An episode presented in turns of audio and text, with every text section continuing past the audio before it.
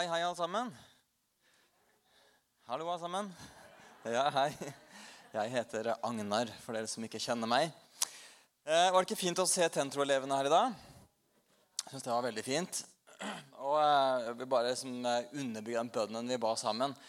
Eh, for eh, Theodor og Tina Charlotte de har eh, egentlig valgt å investere ordentlig denne høsten her i ungdomsarbeidet. Og de har tatt personlig offer i forhold til eh, tida si og inntekten sin for å kunne gjøre det. Så bare vær med oss og bær de i bønn den eh, høsten her, altså, eller det året her. Og, og den jobben de gjør, for det er superviktig.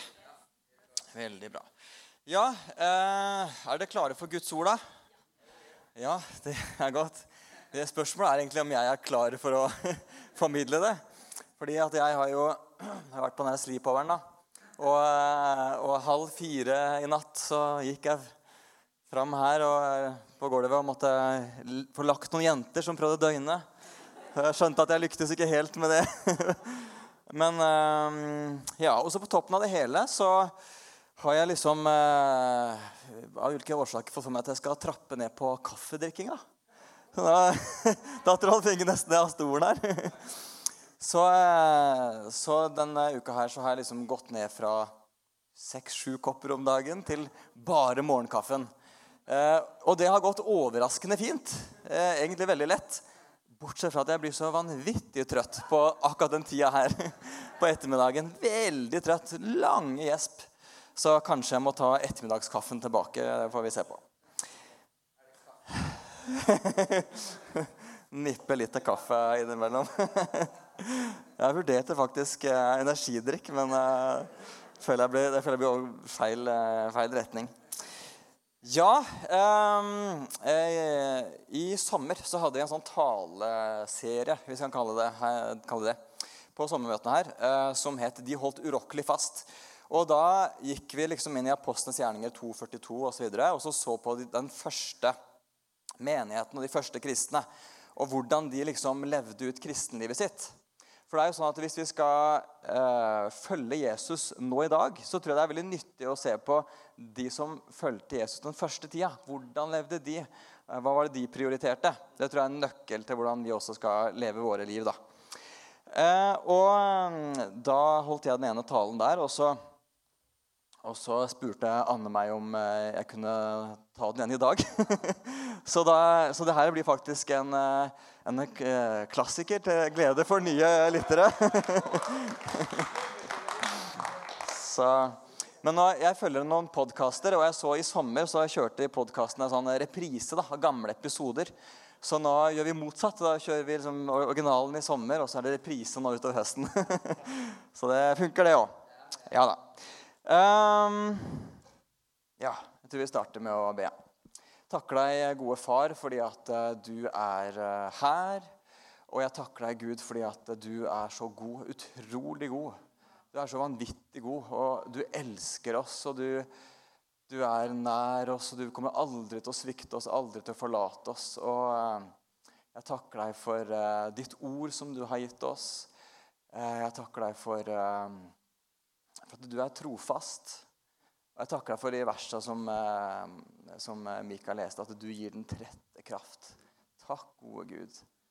Amen. Mm. Yes. Kom kaffe? Da lurer du på hva jeg drikker, tenker jeg. Gikk jeg på en sprekk? Jeg vet ikke. Ja, ehm, det, det bibelverset som vi liksom tok utgangspunkt i i sommer, det, det begynte sånn De holdt urokkelig fast ved apostlenes lære og ved samfunnet, ved brødsbrytelsen og ved bønnene. Og så fortsetter det om flere uker den praksis som de første kristne hadde. Og det er jo mange ting som, eh, som folk holder urokkelig fast ved. Noen holder urokkelig fast ved sparepengene sine. Vil ikke dele de med noen, eller kanskje ikke bruke de på noe heller. Eh, og noen holder urokkelig fast eh, kanskje på stolthet eller bitterhet. Det vil jeg ikke anbefale å gjøre. Og så kanskje noen som holder urokkelig fast på at de har rett. Nå trenger ikke du å begynne å albue sånn, men kanskje er du gift med en sånn person. hva vet jeg. Men eh, det er mange ting man kan holde urokkelig fast på. Men jeg liker dette ordet likevel. Altså, fordi at de holdt urokkelig fast ved apostlenes lære og ved samfunnet, ved brødsbrytelsen og ved bønnene. Og, og, det som jeg talte i sommer, var at de holdt urokkelig fast på apostlenes lære. Og Det er jo et litt sånn rart ord, da, men apostlenes lære den finner vi faktisk i de 23 siste bøkene i Bibelen. I apostlenes gjerninger, også i brevene. Og så er det sånn at Apostlenes lære den var jo bygd på Jesu lære, som vi leser i evangeliene. Og så var det også bygd på eh, Det gamle testamentet. Så jeg tror vi kan si at de holdt urokkelig fast på Bibelen. Og eh, nå det, har noen av dere hørt meg eh, sagt før det jeg skal si nå. og Jeg hørte til Rolf Inge trakk det fram eh, tidligere i høst her. Men i Willow Creek hadde jeg en sånn undersøkelse hvor de prøvde også å finne ut hva er det som har mest effekt for å og se vekst i kristenlivet. Er det å gå i en kirke? Er det å tilhøre småfellesskap? Er det å ha en kristen venn? Eller se på kristen TV? Eller hva i verden er det som har mest effekt? Og det de fant ut, det var at det at man har en personlig relasjon til Guds ord og leser Bibelen uh, sjøl, det var den enkeltfaktoren som bidro mest til vekst i kristenlivet. Og det er veldig kult. Nå hørte jeg nylig at ungdomsarbeidet her har faktisk hatt fokus på det med å få til daglig bibellesning nå det siste, siste, året. Og så hører jeg at Det er flere ungdommer som har begynt å lese Bibelen daglig. Og til og med foreldrene kommer med tilbakemeldinger om at de ser forandring i barna deres. Bibelen gjør en forskjell. Men åssen står det egentlig til med bibellesning blant kristne? Eh, det, det, gjorde Dagen, avisa Dagen en eh, undersøkelse på for et par eh, år siden. Da intervjua de noen tusen aktive kristne. Altså kristne som var i en kirke eller deltok i noe kristent arbeid. Og så spurte de hvor ofte leser du Bibelen. Og da var det sånn at én av tre, kun én av tre aktive kristne leste Bibelen daglig eller nesten daglig.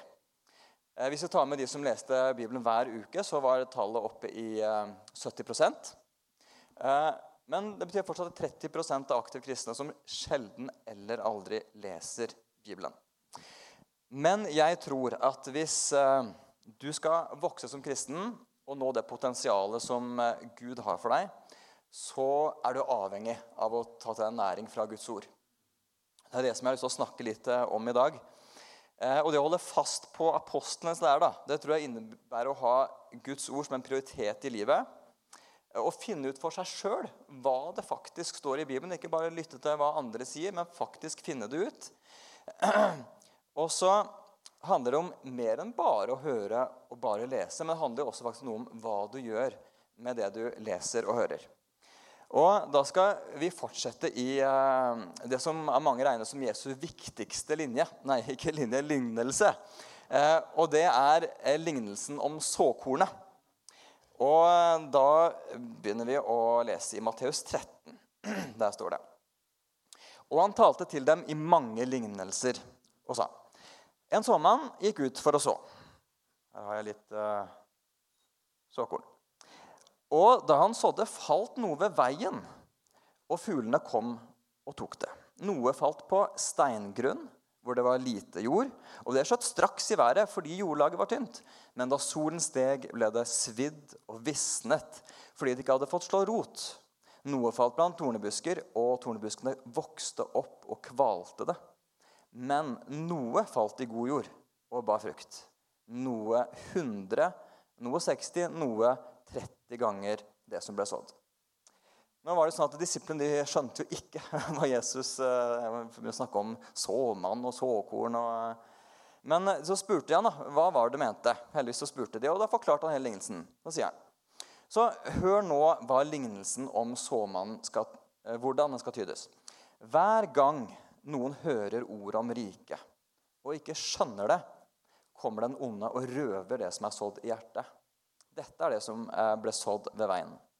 Det som ble sådd på steingrunn, det er den som straks tar imot ordet med glede når han hører det. Men han har ingen rot og holder ut bare en tid. Når han møter motgang eller forfølgelse for ordets skyld, faller han straks fra. Det som ble sådd blant tornebusker, det er den som hører ordet. Men dette livets bekymring og rikdommens bedrag kveler ordet, så det ikke bærer frukt. Men det som ble sådd i den gode jorden, det er den som hører ordet og forstår det. Han bærer frukt 160, 30 ganger det som ble sådd. Ok. Jesus eh, forteller altså her at det her såkornet det er da bildet på Guds ord. Og så er det sånn at eh, våre liv da, det er ulike jordsmonn. For når Guds ord treffer oss, så kan det være at det, treffer, det, det faller ved veien. Eller kan være at det faller på steingrunn. Det kan være at det faller i noe tornekratt. Eh, eller det kan være at det lander i god jord. Og det som er interessant den lignelsen er at Det var jo ingen jordsmonn her som på en måte aktivt liksom, eh, avviste Guds ord. Det var ikke det det var snakk om. Det er ikke snakk om mennesker som ikke vil ha noe med Gud å gjøre. Men det var på en måte, jordsmonnet var på en måte ikke helt egna eller tilrettelagt for at Guds ord kunne bære frukt. Og, og Da er det veldig viktig å finne ut eh, hva er disse tinga som gjør at eh, Guds ord ikke har frukt. Og, og, hvordan kan vi være god jord. Og Jeg bare var litt nysgjerrig, for jeg, lurte på okay, hvor mye er det vanlige som at det kan komme når man så et såkorn. Hva kan det komme? Eh, og jeg googla litt. Ifølge Yara, da, som selger kunstgjødsel, eller produserer kunstgjødsel, så sto det at en, en god jord da kan et hvetekorn eh, bli til 45 eh, eller 50 fold. Eh, da er det sikkert gjødsla bra. Det er god jord. Så når Jesus da kommer og sier at det kan bære 60 og 100 fold, så var det sikkert helt sånn mind-blowing for de som hørte på. Men det viser at Guds ord har potensial til å bære veldig rik frukt hvis det lander i god jord. Nå skal vi ta eh, første, eh, første såkornet. Noe falt ved veien. Jeg gjør det her og se.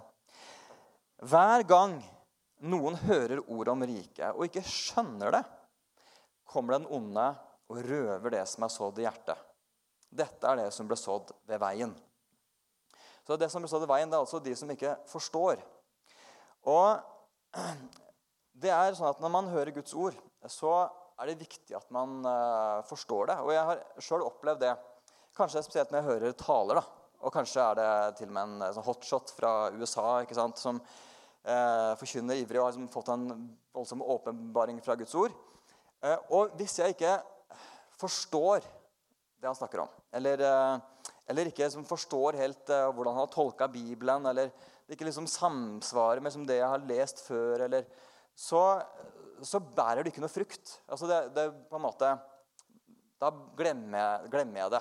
For, det skjer ikke noen forandring i livet mitt, fordi jeg forstår det ikke. Uh, og samme hvis jeg leser det i Bibelen, eh, og det er ting jeg ikke forstår. Det er, det er mye. eh, så, så, skaper du ikke noe veldig forandring i livet mitt, For jeg forstår det ikke. Så det, det, ja, det bærer ikke frukt, da. I, I Apostlenes gjerninger så møter vi en litt interessant gjeng med jøder og det var jødene i Berøa. Og Foranledningen her det var det at eh, Paulus og Silas de hadde vært eh, i en annen by. og Så hadde de vært i synagogen og så hadde de begynt å eh, legge ut Bibelen og forklare at Jesus var Messias. Og så hadde jødene der det her var helt nytt for dem, eh, de, de, de, ble veldig provosert. Og de fikk et sånt opprør, og så klarte de å jage Paulus og Silas ut av byen. For det ville de ikke høre noe om. Så kom de til Berøa. Og det er litt kult, det som står her. Så snart det ble natt, sendte brødrene Paulus og Silas til Berøa. Da de var kommet dit, gikk de til jødenes synagoge. Jødene der hadde et edlere sinnelag enn de i Tessalonika. Og de tok imot ordet med all velvilje og gransket Skriftene daglig for å se om alt stemte. Mange av dem kom til tro. Jeg skjønner det. At hvis det er en jøde i Berøa og, og en annen eksfariseer som heter Paulus, kommer og sier at ja, dere venter på Messias, og etter hva nå skal jeg fortelle at, det, at han har kommet, og det var Jesus eh, At de da tenker at oi, det, det, her var litt spesielt. Og at mange liksom reagerer på det. Men i stedet for bare nei, det vil vi ikke høre noe om, så gikk de til Bibelen sjøl. Altså, hva er det faktisk det står her, da? Hvilke skriftsteder var det Paulus eh, snakka om. og Hvilke profetier var det han mente var kommet til oppfyllelse? Og Så gikk de ned, så leste de gjennom og sa ja, det her jo, det stemmer jo, det han sier. Og så skjønte de det. Det er jo faktisk Jesus som er Messias. Så kom de etter tro. Eh, og jeg vil virkelig oppmuntre deg til å bruke tid i Bibelen. Bli kjent med Bibelen.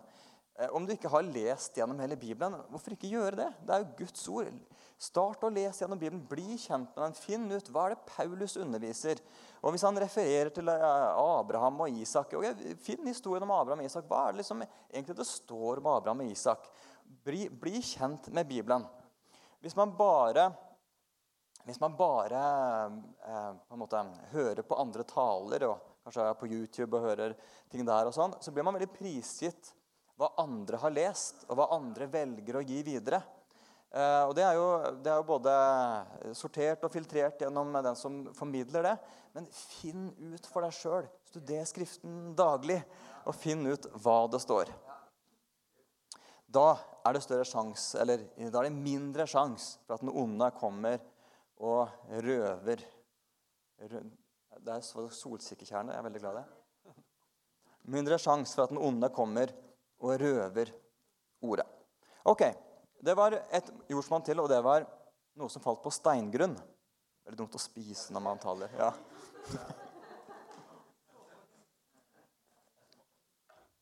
Ok, Det som ble sådd på steingrunn, det er den som straks tar imot ordet med glede når han hører det.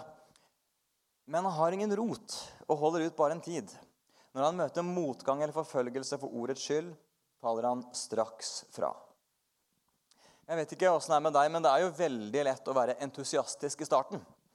Jeg vet ikke om du for eksempel, kanskje har en sånn halvferdig ullgenser hjemme som du liksom bestemte deg for å strikke, og så var det gøy en stund, og så bare ble det utrolig kjedelig, og så ligger kanskje en kurv hjemme. Eller kanskje har du kjøpt et puslespill med 3000 brikker. ikke sant? Og Stor entusiasme og dro i gang. Og så ja, ble det, det 50-50 brikker, og så var det egentlig litt, litt for mange brikker.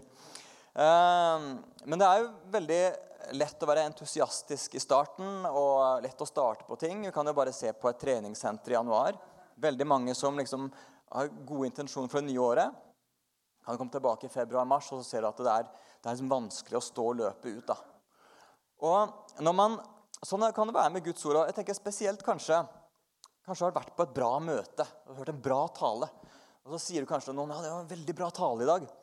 Ja, hva, hva, hva talte hun om, da?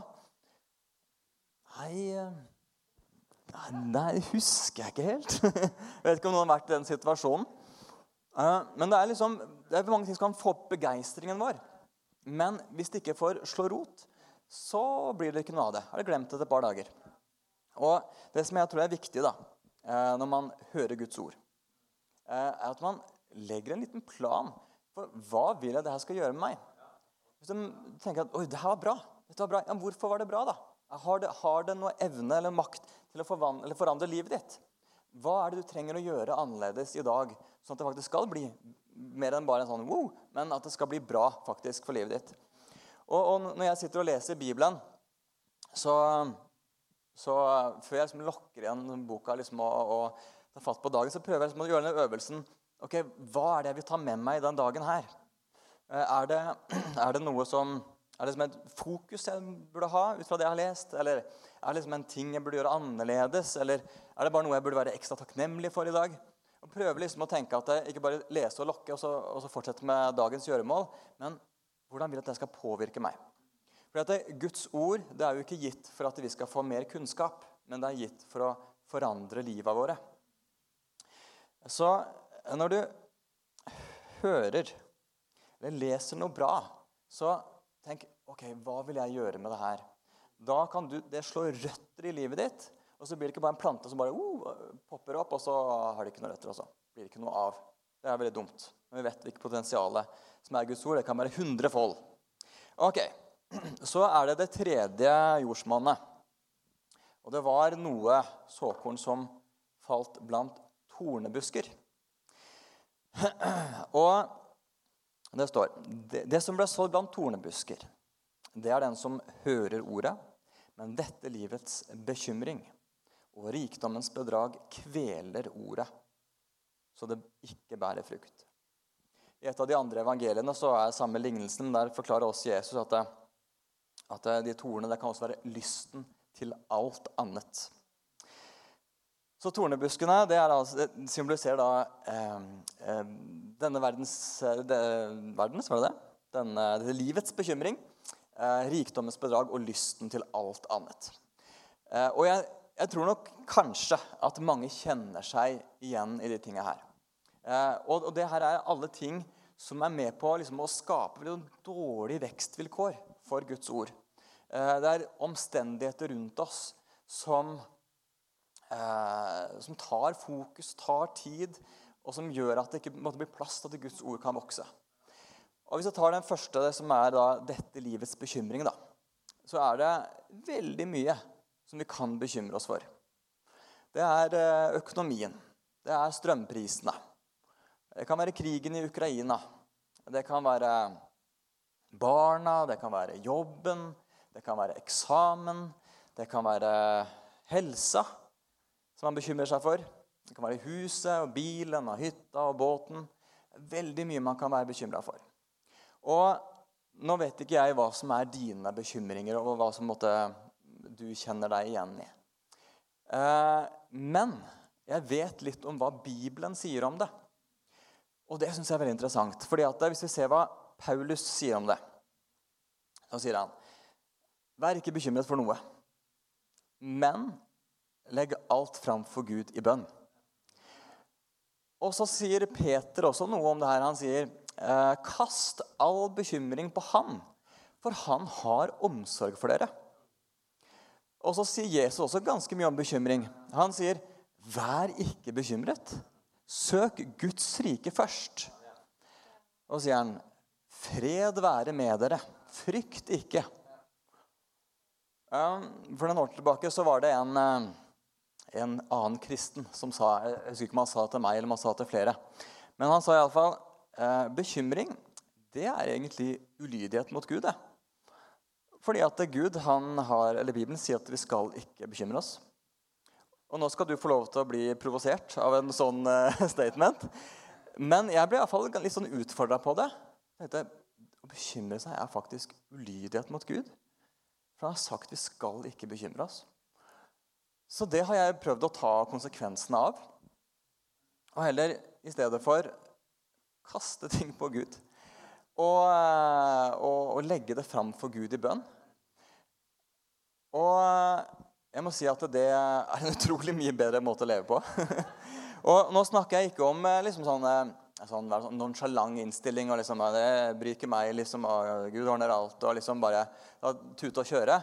For jeg er veldig for å ta tak i problemer og, og løse problemer. Og hvis bekymringen er økonomi, da, okay? så kan det være nyttig å sette opp et budsjett og se okay, hvor er det pengene blir av. Kanskje kan vi kutte kostnader. Kanskje er det mulig å få opp eh, inntekten. Eh, eller hvis det er liksom barna har det vanskelig på skolen. Ja, kan ta en telefon til læreren. da, Kanskje får vi et møte, og kanskje, kanskje går det an å finne en, en, bedre retning. da.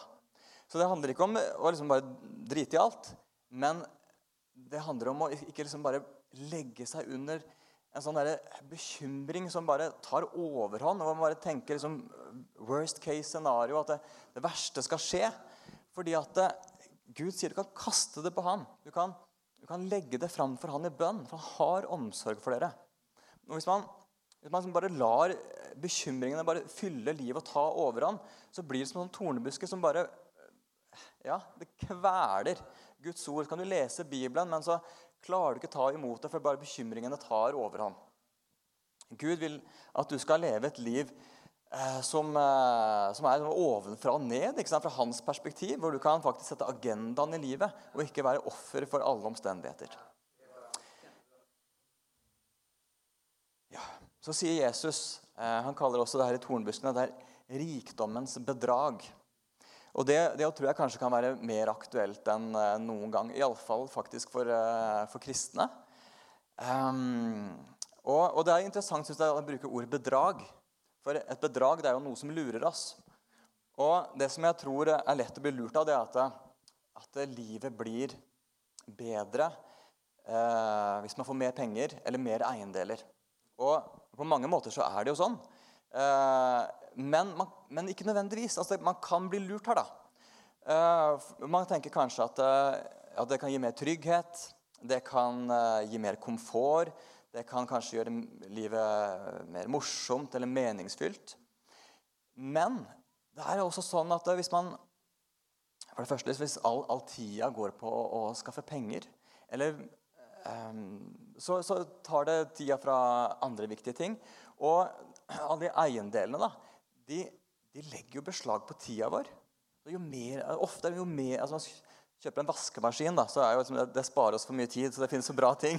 Men, men mange av de eiendelene vi kjøper oss, de, de tar jo mye av tida vår. Og Jo mer vi skaffer oss, jo må vi følge opp det, og så må vi ordne det, og så må vi huske på det, og så, og så går ting i stykker, og så, og så må det vedlikeholdes. Og så er det ikke sikkert at det, liksom, det, egentlig har den frukten som vi tenkte da vi, da vi kjøpte det. Um, noen ganger tror jeg også at det, masse eiendeler kan faktisk skape nye bekymringer. Um, Jesus sa det er ikke det en eier, som gir liv selv om en har overflod. I sommer så var jeg på The Send på Telenor Arena. Og Der var det ei som het Sarah Brule, som eh, vokste opp i Brasil, som talte. Og Hun delte litt av historien sin. Og fortalte at da hun var lita jente, så fikk hun liksom en sånn kall til misjon. Eh, og hun fikk sånn lyst til å dra til andre land for å dele evangeliet. Men så vokste hun opp, og så eh, kom hun inn på det mest prestisjefylte universitetet i Brasil eh, og fullførte en sånn økonomigrad der. Og så søkte hun på en jobb i et sånn kjempestort foretak eh, og på noe som virka som drømmejobben.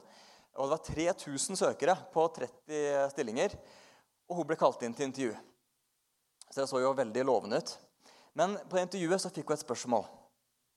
Det var et eller annet om hva er det du drømmer om? Eller hvor du ser deg om ti år? Og det traff henne litt. da. Og så måtte hun bare være ærlig og si vet du hva? Helt siden jeg var lita jente, så har jeg drømt om å dra til andre nasjoner og forkynne evangeliet om Jesus. Og det ble ikke noe jobb på. Men i dag så er hun bosatt i Italia og, og lever ut den drømmen. da. Og er leder for Revive Europe og ser mennesker komme til tro på Jesus. Og jeg fikk ikke inntrykk av at hun følte hun ha gjort noe dårlig valg når hun takka nei til den jobben. For, det, for det, det er ikke nødvendigvis eh, det man eier, som gir liv, selv om en har overflod. Så sier eh, Jesus til slutt det her med lysten til alt annet. Og det er jo veldig mange ting som etterspør oppmerksomheten vår. Det er skole, det er jobb, det er hus, det er hobbyer, og det er trening, det er TV, det er sosiale medier. Det er mange ting. Og jeg tror at så lenge Guds ord blir både marginalisert i livet vårt, da, at den bare får resten av tida eller resten av oppmerksomheten vår, så vet jeg ikke om det blir så mye frukt. Hvis det bare er tornebuskene, liksom, lysten til alt annet, hvis det er det som, som får rom i livene våre Vi ikke klarer å få rydde plass til Guds ord, så vil det ikke bære frukt. Iallfall ikke det som det var ment til. Eh, Jesus ber oss om å søke Guds rike først. Og I Salme 1 så står det salig er den mann som har sin glede i Herrens lov, og grunner på Hans lov dag og natt. Jeg tror det er veldig viktig at vi gir rom for Guds ord i livet vårt. Vi kaster bekymringene på Han og så må vi ha et bevisst forhold til rikdom og hva vi faktisk skaffer oss i livet. Eh, binder bare opp all tida vår og all kapasiteten vår? Eller er det faktisk noe som, som er med på å lede oss inn i en plan som Gud har for oss? Og så må vi alle de tingene vi har lyst på, da, kanskje er det faktisk noe vi må bare rydde vekk og gi avkall på, sånn at Gud kan få den viktigste plassen i livet vårt.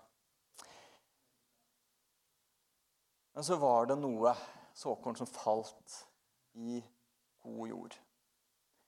Og det står da i vers 23.: Men det som ble sådd i den gode jorden, det er den som hører ordet og forstår det. Han bærer frukt 160-30 ganger det som ble sådd. I en av de andre evangeliene så står det faktisk at det er, den som hører ordet tar imot det.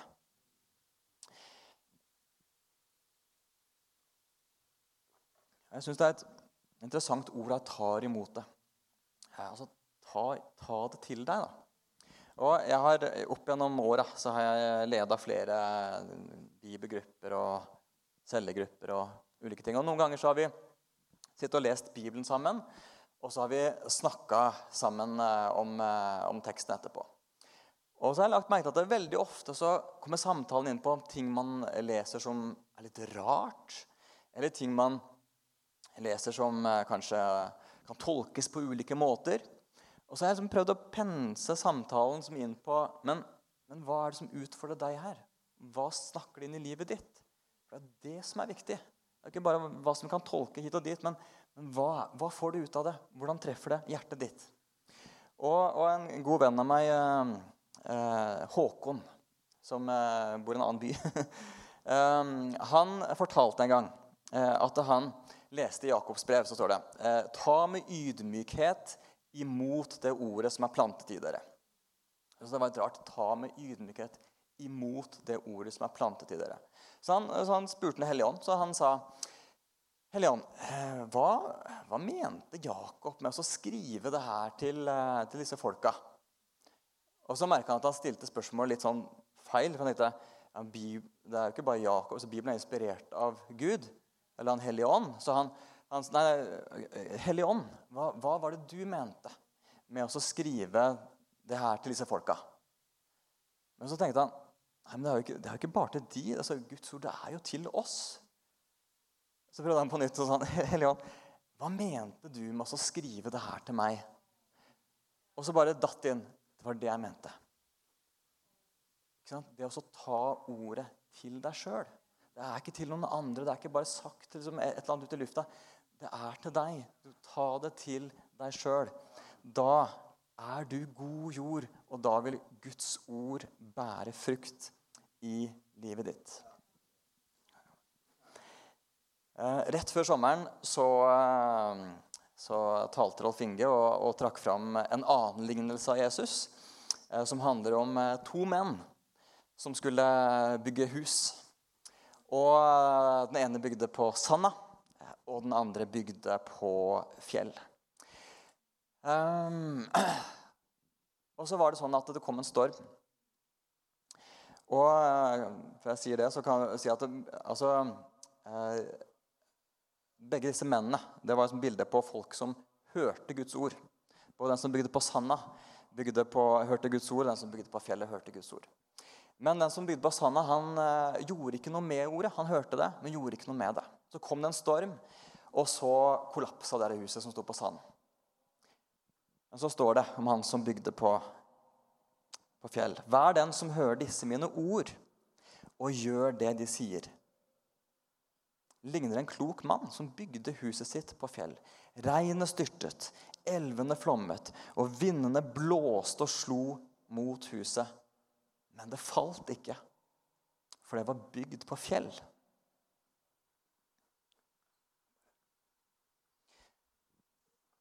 Så skal jeg runde av nå. Men så jeg spørre deg hva vil du gjøre med det her? Å bygge på fjell, dvs. Si å handle på Guds ord. Så hva vil du gjøre med det her? Eh, kanskje kjenner du deg godt igjen med det jordsmonnet hvor noe faller ved veien. At du opplever at det, det er mye du ikke forstår, og der er vi mange i samme båt. Eh, men, men hvis du opplever at eh, ja, du kanskje ikke er så vant til å lese Bibelen, du, du hører eh, mye taler og sånn, men ja, ikke alt du skjønner og får ikke helt sammenhengen Jeg utfordrer deg på å dykke litt ned i Bibelen.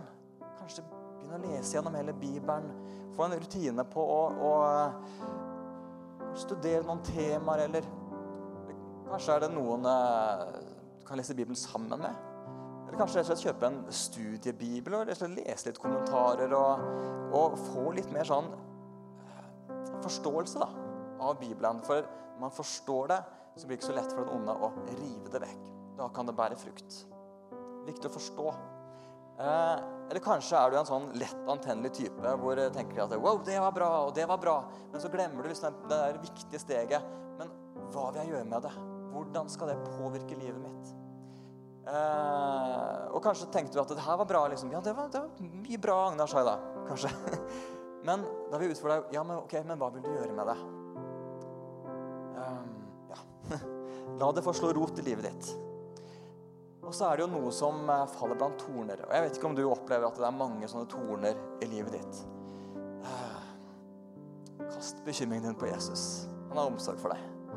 Eh, tenk igjennom hva du Ditt forhold til rikdom og hva du investerer i.